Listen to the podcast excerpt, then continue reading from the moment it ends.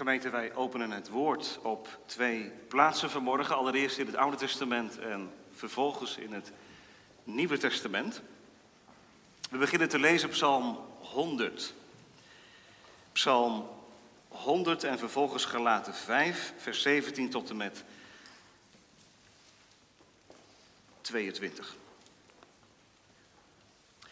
Dus Psalm 100 als eerste lezing. Daar lezen wij het woord en horen de stem van de levende God als volgt. Een lofpsalm. Juich voor de Heere heel de aarde. Dien de Heere met blijdschap. Kom voor zijn aangezicht met vrolijk gezang. Weet dat de Heere God is. Hij heeft ons gemaakt en niet wij. Zijn volk en de schapen van zijn weide. Ga zijn poorten binnen met een lofoffer. Zijn voorhoven met een lofzang. Loof hem. Prijs zijn naam. Want de Heere is goed. Zijn goede tierenheid is voor eeuwig.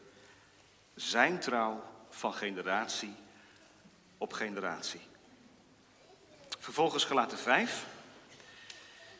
Gedeelte wat we inmiddels al diverse keren gelezen hebben in deze serie over de vrucht van de geest. Gelaten 5, nu vers 17 tot en met 22.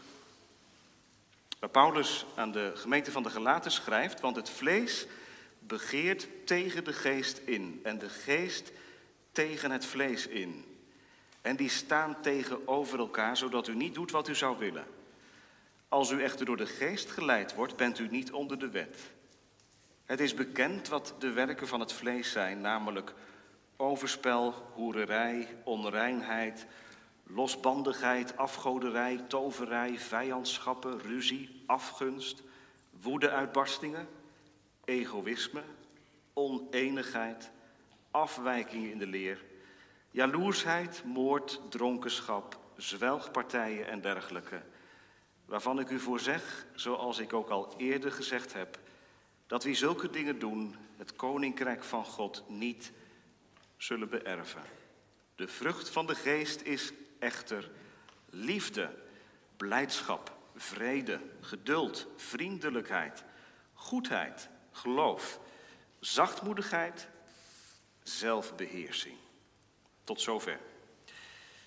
Het tweede aspect van de negenvoudige vrucht van de geest, de blijdschap dus, die vormt uitgangspunt voor de verkondiging.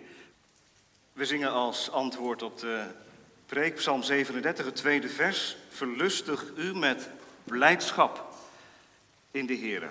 Psalm 37, vers 2, straks na de preek. De vrucht van de geest is blijdschap. Ik ben als een kind zo blij. Zegt u dat wel eens? Voel me als een kind zo blij. daarmee bedoelen we dan niet iets infantiels, maar iets heel dieps. Het komt heel diep van binnen weg. Een ontroerend moment, een geschenk, een dag, een mijlpaal. Vul maar in. Wij kennen het wel, hè?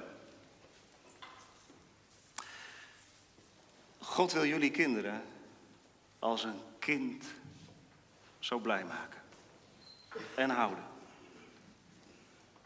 Dat is de belofte die toegezegd is.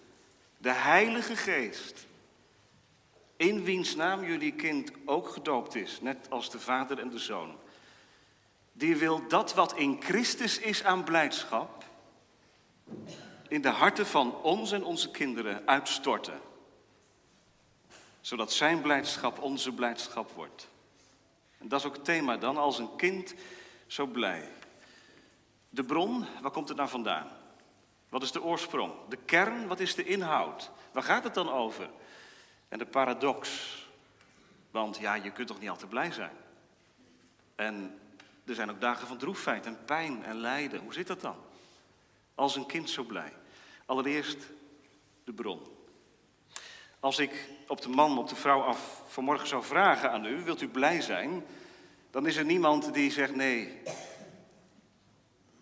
Wie wil er nou niet blij zijn? Ja, nou, het kan natuurlijk, hè?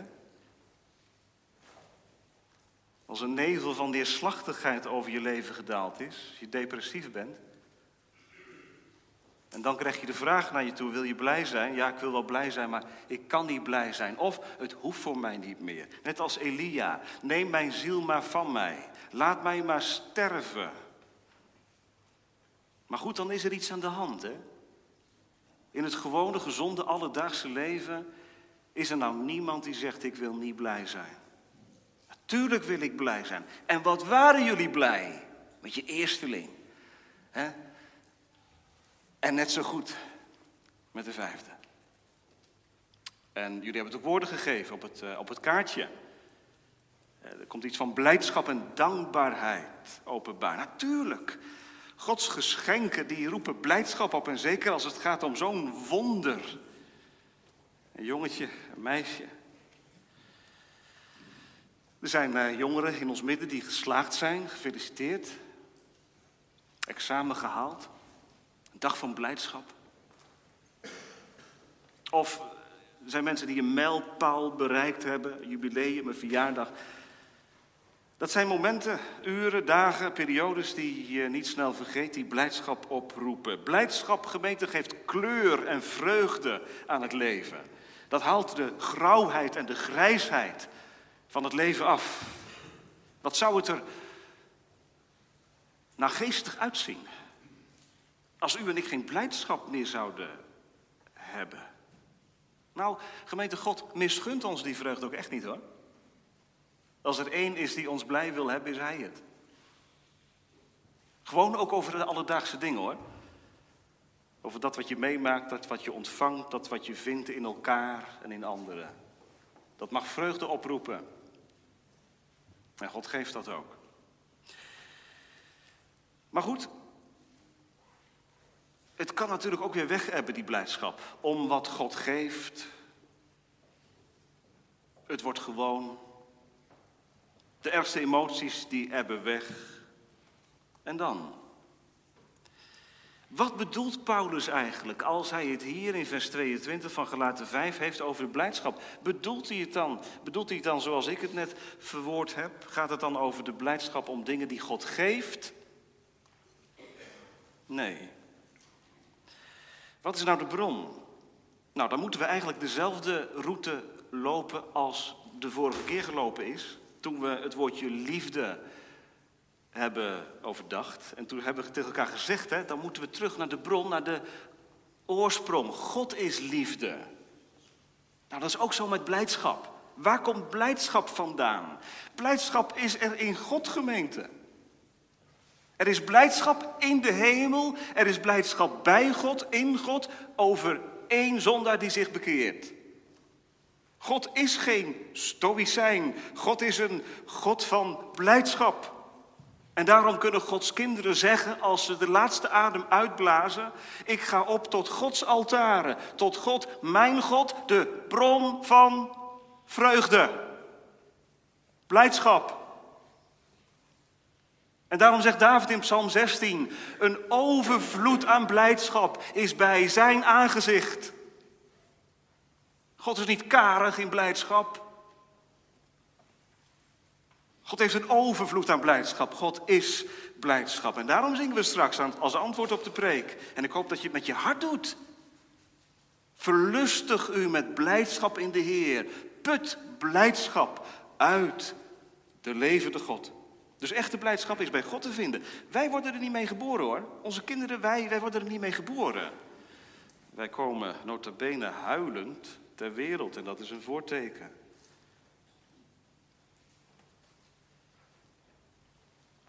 We zijn in het dal van tranen terechtgekomen. We hebben ook gebeden dat het, het kruis, haar kruis, zijn kruis, dragen mag, maar wel vrolijk. Vrolijk, met blijdschap, dragen mag. Dal van tranen. Toch daarin wil God blijdschap geven. En dat is dan niet allereerst de emotionele opwelling zoals wij die kunnen ervaren, maar die gedurige, constante vreugde als een blijvende ondertoon in je leven die niet weggaat. Wat er ook gebeurt en welke bochten je ook door moet. Nogmaals gemeente, het is niet onze eigenschap. Wij worden er niet mee geboren. En ik haal dat ook uit het woordje, het Griekse woordje voor blijdschap, gara.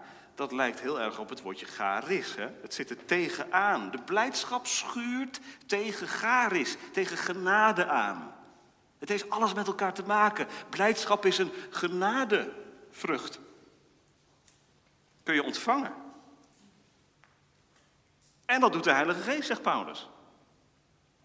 Kijk, al die andere pleziertjes die Paulus in vers 19, 20, 21 noemt. Nou ja, pleziertjes. Maar het levert wat plezier op, hè? Onreinheid, losbandigheid, overspel, lekker losgaan. Het levert een kick op, een emotie van je welste, en daarna een kater, maar goed. Nee, zegt Paulus, er is wat meer, er is beter. Echt, de vrucht van de geest is blijdschap. Staat dus tegenover die werken van het vlees. De vrucht van de geest is echter blijdschap. Nou, als je er niet mee geboren wordt, als jullie kinderen, als Jochenan, Noemi, Feline er niet mee geboren worden, bij wie moeten ze dan zijn? De Heilige Geest wil ervoor zorgen. Hoe dan? Door ze naar Christus te sturen, te stuwen. Want gemeente, als God nou een God van blijdschap is, dan vragen we ons vanmorgen af, maar hoe kom ik dan bij die God van blijdschap? Nou, God heeft voorzien in een oplossing, doopouders. Kijk naar het doopwater. Jullie kwamen met je kind. En het doopwater werd aan het voorhoofd bevestigd. En daarmee onderstreepte God: Het komt bij mij vandaan. Ik wil het. Ik doe het. Wat? De relatie met Christus leggen en in stand houden. Want dan wordt de Heer Jezus een fontein van blijdschap. Toch?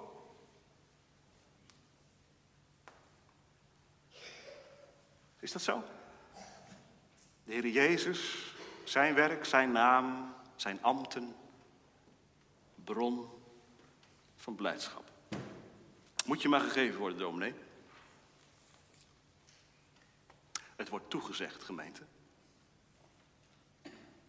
Als u de Vader bidt om de Heilige Geest, zal Hij die geven. Waarom? De Heilige Geest is de lievelingsgave van God. God wil niets liever kwijt dan zijn Heilige Geest. En de vrucht van de Geest is blijdschap. Ik kan het mezelf dus niet geven. En dat pleit niet voor mij, dat is mijn zonde. Daarom sta ik ook buiten het koninkrijk van God. En tegelijk is dat ook de bevrijding. Want de Heilige Geest doet het. En wat gebeurt er dan als de Heilige Geest in het leven van een kind of van een oudere werkt? Is het dan meteen feest?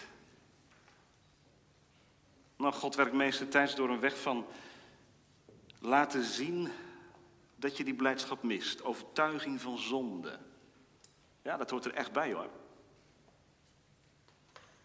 Dat hoort er echt bij.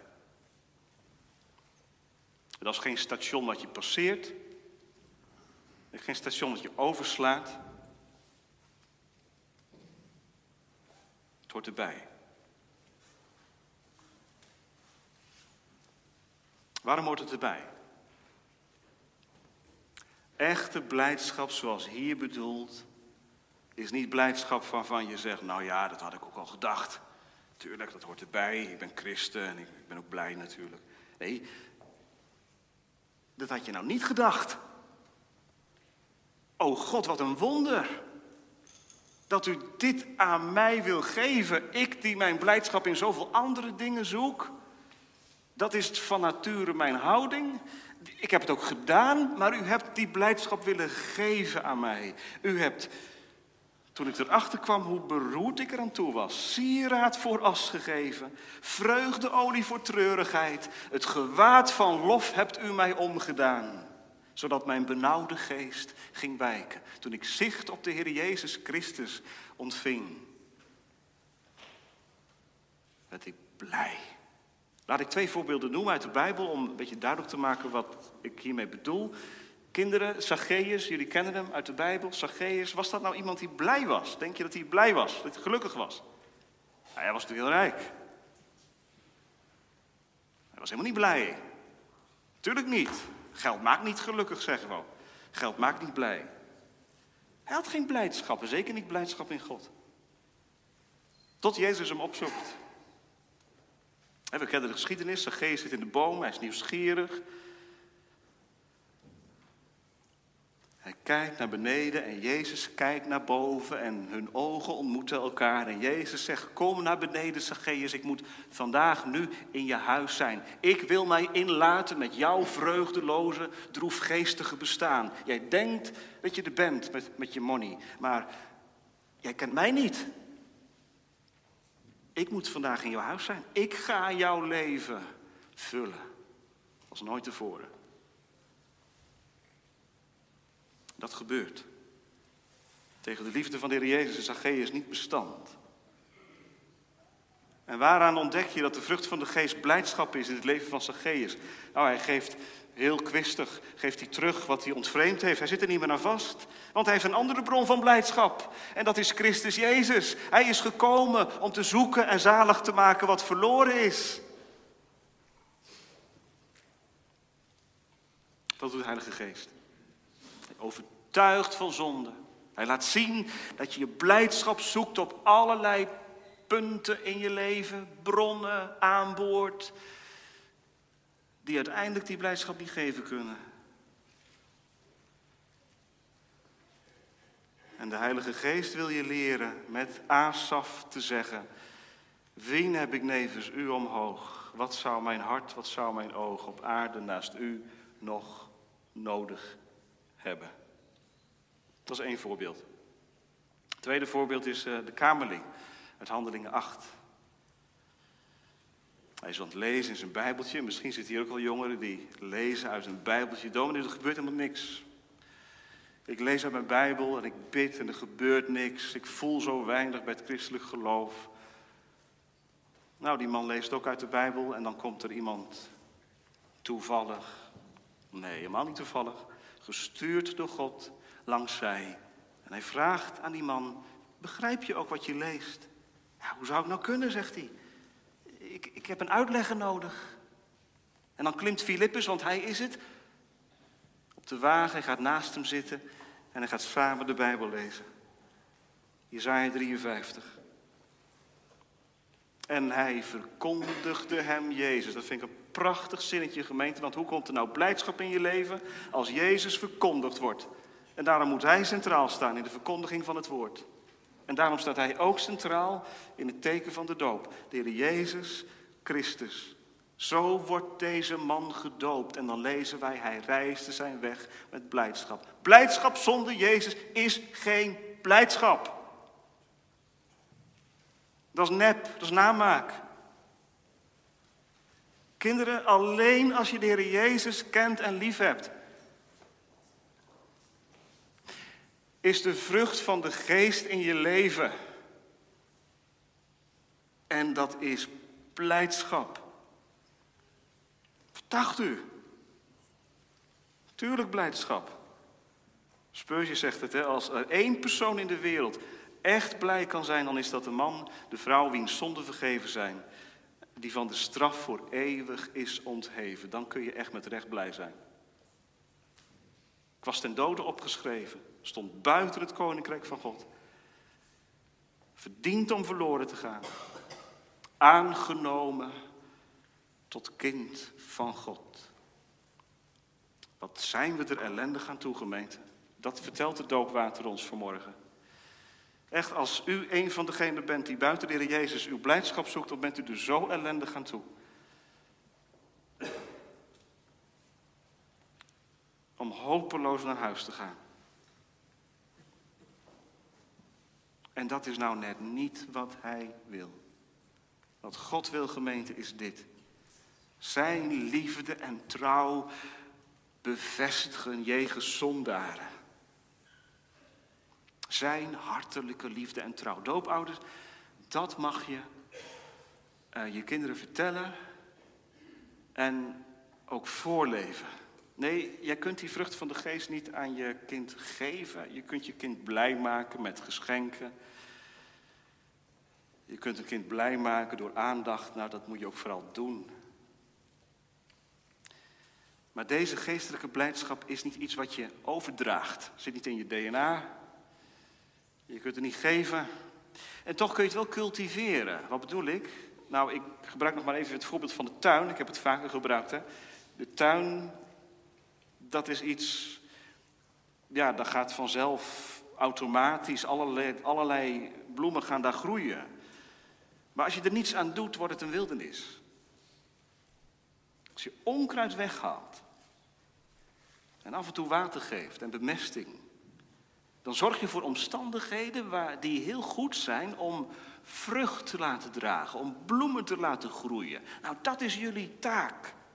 bij onderwijzer denken wij soms heel steriel hè, aan twee stoelen en daar zit een vader en daar zit een kind. En een vader gaat dan een monoloog houden tegen een kind. Ja, mensen, dat werkt niet. Dat weten jullie ook wel. Onderwijzen, Deuteronomium 6, dat is ook heel eenvoudig als je met je kind loopt en wandelt en in de auto zit en thuis aan tafel het erover hebt. Gewoon het alledaagse leven, welke keuzes je daarin maakt. En als je kinderen vragen, maar waarom gaan we daar niet naartoe en waarom kijken we dat niet? Nou, wat is het dan mooier als je kunt zeggen. Weet je, de Heere God zegt in zijn, in zijn woord: de vrucht van de geest is blijdschap. En ik heb blijdschap in de Heer Jezus Christus. En dat betekent dat heel veel dingen afvallen en wegvallen. Het is niet belangrijk, het is niet meer mijn schat. Doopouders zorg voor het cultiveren. Wat bedoel ik daarmee? Nou, we zongen Psalm 119, vers 83. Ik hoop dat als jullie kinderen ouder worden, ze proeven aan papa en mama dat leven met de Heer een liefdedienst is. Dat woord wordt daar gebruikt. Een liefdedienst. Waar nog nooit iemand verdriet van heeft gehad of gekregen, maar blijdschap in vindt. Ik, Heer, die al mijn blijdschap in u vindt. Nou, dat komt er echt wel uit hoor. In hoe je naar de kerk gaat bijvoorbeeld.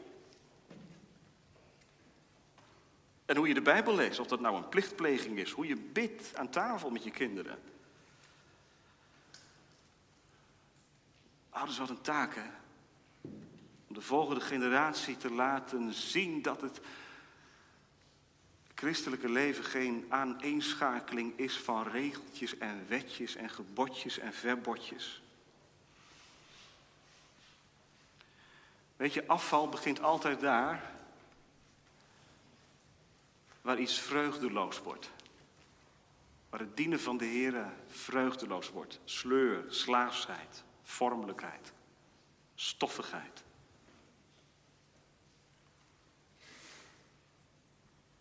Proeven mijn kinderen het. Beter dan dit leven is uw goede tierenheid. Als we de voorbereiding denken aan een voorbeeld van uh, dominee Jacques van Dijk, die in Garderen stond. Kerk ging eens een keer uit. En hij zei tegen zijn kleinzoon, kijk jongen, dat zijn nou allemaal mensen die net de blijde boodschap hebben gehoord. En die mensen kwamen met een strak en ernstig gezicht naar buiten toe. Kun je dat nou aan hen zien? zei dominee van Dijk. Wat een strenge en harde blik in hun ogen. Wat hebben ze gehoord? Gemeente, ik geloof dat als de Heer in je leven komt en werkt, dat je ook naar buiten toe een opene persoon wordt. Waar je eerst een oester was die dichtklapte, word je een bloem die openbloeit. Aantrekkelijk. Want zeg nou zelf gemeente, echte blijdschap die hou je toch niet binnen? Dat hou je toch niet, hou je toch niet vol? Als je nou echt van iets helemaal opgetogen bent, dan kun je er toch niet over zwijgen. Dat, dat merk je toch. Dat zie je aan iemand, aan zijn ogen, aan zijn gezicht. Ik bedoel geen tandpasta glimlach en geen gemaakte uh, poppenkast. U begrijpt wat ik bedoel. Innerlijke blijdschap komt eruit. Als een stel gelukkig is in een relatie, dan zie je dat ook. En andersom ook. Laten we bidden, gemeente, Heere God, verlos ons van de zwaarmoedigheid en de somberheid die niet van u is. Want dat kan ook, hè? Dat je jezelf, ja, haast gewichtig gaat vinden als je meer somberheid en zwaarmoedigheid hebt dan vrolijkheid en blijdschap. Nou, de vrucht van de geest is geen zwaarmoedigheid, maar blijdschap, vreugde, vrolijkheid. Zou het ook geen vrucht van de geest zijn, gemeente, dat wij door onze gewichtigheid heen zakken en iets van kinderlijke blijheid ontvangen? Als een kind zo blij. Zie je dat kind van twee in de kamer staan? Daar staat het. Middelpunt van de belangstelling, iedereen kijkt ernaar. Het kind heeft iets gevonden onder de bank, een balpen. Een houten balpen kraaiend van plezier omhoog. Glunderend van blijdschap. Ach, zeg je dan, moet je eens kijken.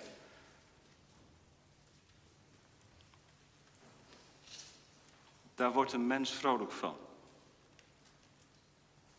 Gemeente, ik geloof dat heel wat verzuurdheid uit ons leven weg zou trekken als deze gestalte van het blije kind in ons zou zijn. De vrucht van de geest is blijdschap. Even een stap verder, gemeente. De kern. Tweede gedachte. Wat is dat nou? Die blijdschap. Ik heb er al iets over gezegd. Er zijn ook wel mensen die zeggen, ja, in evangelische kring, ook in reformatorische kring wel, blijdschap dat hoort bij een bevestigd deel van de kinderen van God. Blijdschap hoort bij een bepaald deel van de christenen. Een second blessing, een tweede genadegave. Dus je hebt christenen die in een eerste fase blijven zitten. En je hebt christenen die bevestigd, verzekerd zijn. En die mogen de vrucht van de blijdschap ervaren. Nou, daar heeft Paulus het niet over. En de Bijbel ook niet, gemeente. Natuurlijk is er groei in de genade en de kennis. Maar waar God in je leven een begin maakt, een opening maakt door zijn Heilige Geest, je overtuigt van zonde, wordt de blijdschap geboren. Het is een vrucht, dus het kan ontwikkelen en groeien. En het is ook niet in één dag ineens een hele eh, prachtige vrucht. Maar het is er wel. Blijdschap ontstaat waar de geest gaat werken. De catechismus noemt dat ook, hè? Als twee kenmerken van de waarachtige bekering. Droefheid naar God vanwege je zonde, hartelijke vreugde in God door Christus. Gaat samen. Wat is dan de kern? Nou, wat de kern is, gemeente, is dat God goddelozen wil verzoenen en vrede met God geeft door Jezus Christus. Dat heeft Paulus in de brief aan de Galaten in de eerste drie hoofdstukken uitvoerig uitgelegd. Dat er in ons niets is. En dat de vloek van de wet ons veroordeelt. En dat we buiten het koninkrijk staan. En dat we er niet in kunnen komen. Maar dat God voorzien heeft door zijn zoon te zenden. En door het geloof alleen mag ik hem de mijne noemen. Door het geloof rechtvaardig voor God. Ik las Psalm 100 en misschien dacht u waarom Psalm 100? Nou, natuurlijk vanwege dat woord blijdschap, wat er ook in voorkomt. Dien de Heer met blijdschap, maar eigenlijk ook nog om een andere reden. Want Psalm 100 geeft ons aan wat nu de manier is, de, de weg is waarin die blijdschap, de kern van de blijdschap in het leven geboren wordt. In Psalm 100 lezen wij namelijk, weet dat de Heere God is. Dat is de kern van Psalm 100. Bedenk wie God is. Weet dat de Heere God is. Daarin ligt de kern dus. Weten wie God is. Hoe komt het, zegt iemand, dat ik zo weinig geestelijke blijdschap ervaar? Weet jij wie God is? Ja, hoe kun je dat weten? Ga je met hem om? Hoe bedoelt u? Omgaan met God betekent dat jij in je leven de verborgen omgang met God kent. Als wij straks zingen, verlustig u met blijdschap in de Heer, dan zingen wij eigenlijk. Geef dat in mijn leven, ik dat venster op u mag hebben, dat ik u leer kennen en beter leer kennen, door de omgang met uw woord en door het mediteren over Jezus Christus. Mediteren, ja. Wat zegt Psalm 104? Mijn overdenking van Hem zal aangenaam zijn. Ik zal mij in de Heere verblijden.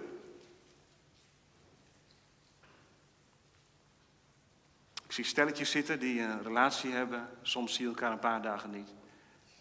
Wat doe je dan als je elkaar een paar dagen niet ziet? Dan ga je, pak je een foto of zo. En dan kijk je en dan komt er van alles boven. Hè? Dan word je blij.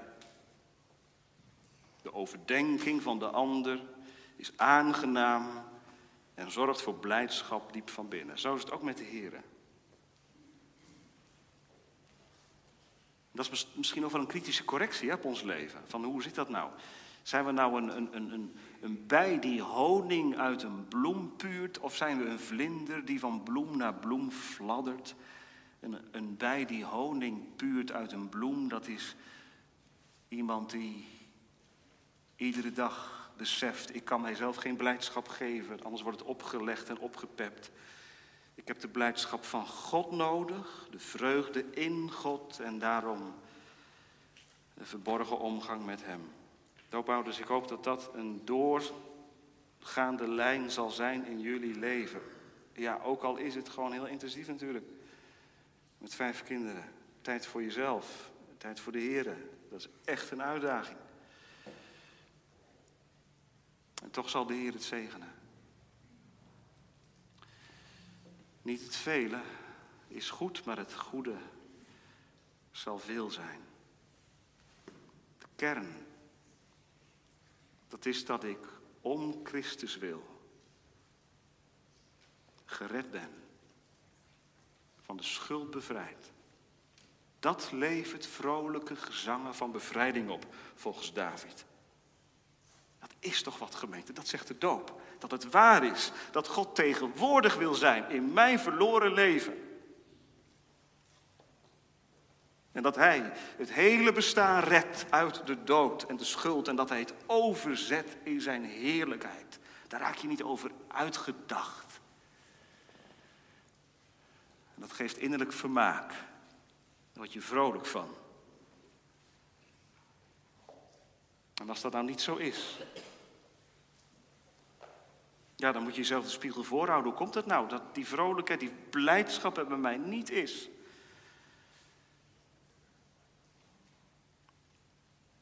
Dat kan twee redenen hebben natuurlijk. Als je de Heer Jezus niet kent, ik heb het al gezegd, dan ken je deze blijdschap ook niet. Maar weet je, dan is vandaag de dag om je met al die namaakblijdschap, met die glitter en glamour van je leven tot Hem te begeven. Je bent er niet te slecht voor, wel te goed. Kan ook een andere reden hebben. Dat je geestelijk leven is ingezonken. En wat dan te doen? Psalm 100. Weet dat de Heere God is. Denk wie hij is. Hij heeft alle zonde met zijn bloed, het bloed van Christus weggedaan. Dat is in het verleden gebeurd. Vandaag is hij met mij alle dagen en morgen en in de toekomst. Zullen alle dingen medewerken ten goede. Dat geldt voor degenen die in Christus zijn. Blijdschap levert dat op. Ja, zegt iemand, en hoe moet het dan als je in je leven ook heel veel droefheid tegenkomt. Dat gaan jullie ook meemaken, hebben jullie meegemaakt. Verdrietige dingen, lijden, vanwege je kinderen. Of in het huwelijk of in de familiekring, hoe dan ook. De laatste gedachte, de paradox. Want dat zit er wel in, hè. Kijk, je kunt zo'n woord blijdschap gaan bekijken van alle kanten, maar het staat ook in de context van de werken van het vlees. De vrucht van de geest is echter. Dus dat betekent dat die blijdschap ook een heel kwetsbaar, wat ons betreft, een heel kwetsbaar iets is. Het kan onder vuur liggen, die blijdschap. En daarom, wat is het? Die blijdschap.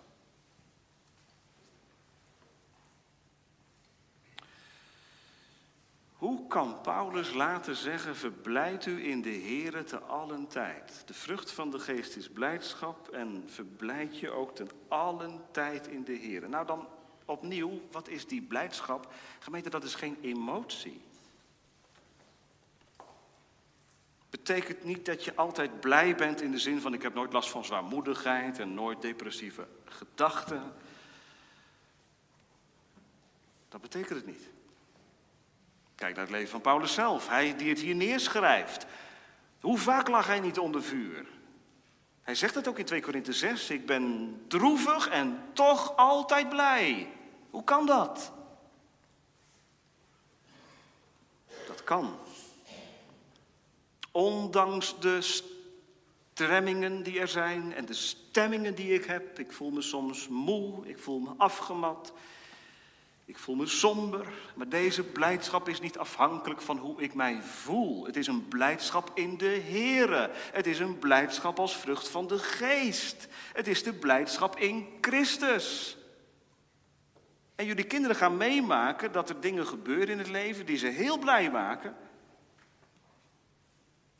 En daarna de teleurstelling. Dat zijn van die leermomenten. Voor kinderen en gelegenheden voor jullie als ouders. Om te zeggen, ja, weet je, in dit leven gaan zoveel dingen mis en kapot. Daar word je verdrietig van. Maar weet je, er is een blijdschap die nou nooit kapot gaat. Die niet kapot te krijgen is. Als je door de dood heen gehaald bent. Als al je zonden vergeven zijn. Alleen om het lijden en sterven van Christus. Dan hoef je het niet te doen met de wisselvalligheid van het leven. Maar mag je rusten in het volbrachte werk van Christus. Dat is de doop. De doop wil ons leren. Het ligt vast in Hem. Hier wordt de duivel heel onzeker van. Van blijde christenen die wat hen zelf betreft geen reden hebben tot blijdschap. En wat de omstandigheden betreft ook geen reden hebben tot blijdschap. Maar als ze op Christus zien, blij zijn. Het is de paradox, de schijnbare tegenstelling. Maar principieel gemeente zijn christenen op weg naar een feest, een bruiloftsfeest. De weg er naartoe is niet altijd feestelijk. En daarom hebben we gebeden, geef dat ze hun kruis vrolijk dragen mogen en straks in de gemeente van de uitverkorenen, geheel rein, plaats mogen ontvangen. Blijdschap, ja. Want gemeente zouden de kinderen van deze wereld nou vrolijk, juichend en dansend naar de ondergang gaan? En zouden de kinderen van God steunend en zuchtend naar de hemel gaan? Dat is toch een smet op de eer van de meester. Het evangelie is toch het evangelie van de vrolijke ruil. Hij voor mij. Geen platte vrolijkheid. Maak je maar geen zorgen. Je bent toch gedoopt, je hoort er toch bij maar diep gewortelde vreugde. Heere God, u hebt mijn leven ontrukt aan het verderf om Christus wil. Als de verloren zoon thuisgekomen. Hij dacht dat het in het buitenland was, de vreugde. Maar toen hij thuis kwam, toen begon het pas. En zij begonnen vrolijk te zijn. Die vreugde duurt langer dan een eeuw en langer dan een leven. Het is een vreugde zonder einde. Kijk eens gemeente, daar komt iemand aan. Ziet u hem? Als een kind zo blij. Hij zingt en hij springt. Wat een vrolijkheid. En als we hem vragen, waarom ben je zo blij? Als een kind zo blij zegt hij, ik ben zeer vrolijk in de Heer. Want mijn weeklacht is veranderd in een rijdans. En mijn rouwgewaad is ontbonden. Ik ben met blijdschap omgord. Het heil van de Heer is zo vast. Er is geen spel tussen te krijgen. Psalm 30. Eens was mijn hart vol duisternis. Maar God sprak eens, daar zij licht. Nu heb ik een hemel, reeds op aard. En een hemel nog in het zicht. Mijn tranen droogden Jezus' hand. Er is vreugde in mijn smart. Ik ben een pelgrim naar het hemelsland, maar met blijdschap in mijn hart. Amen.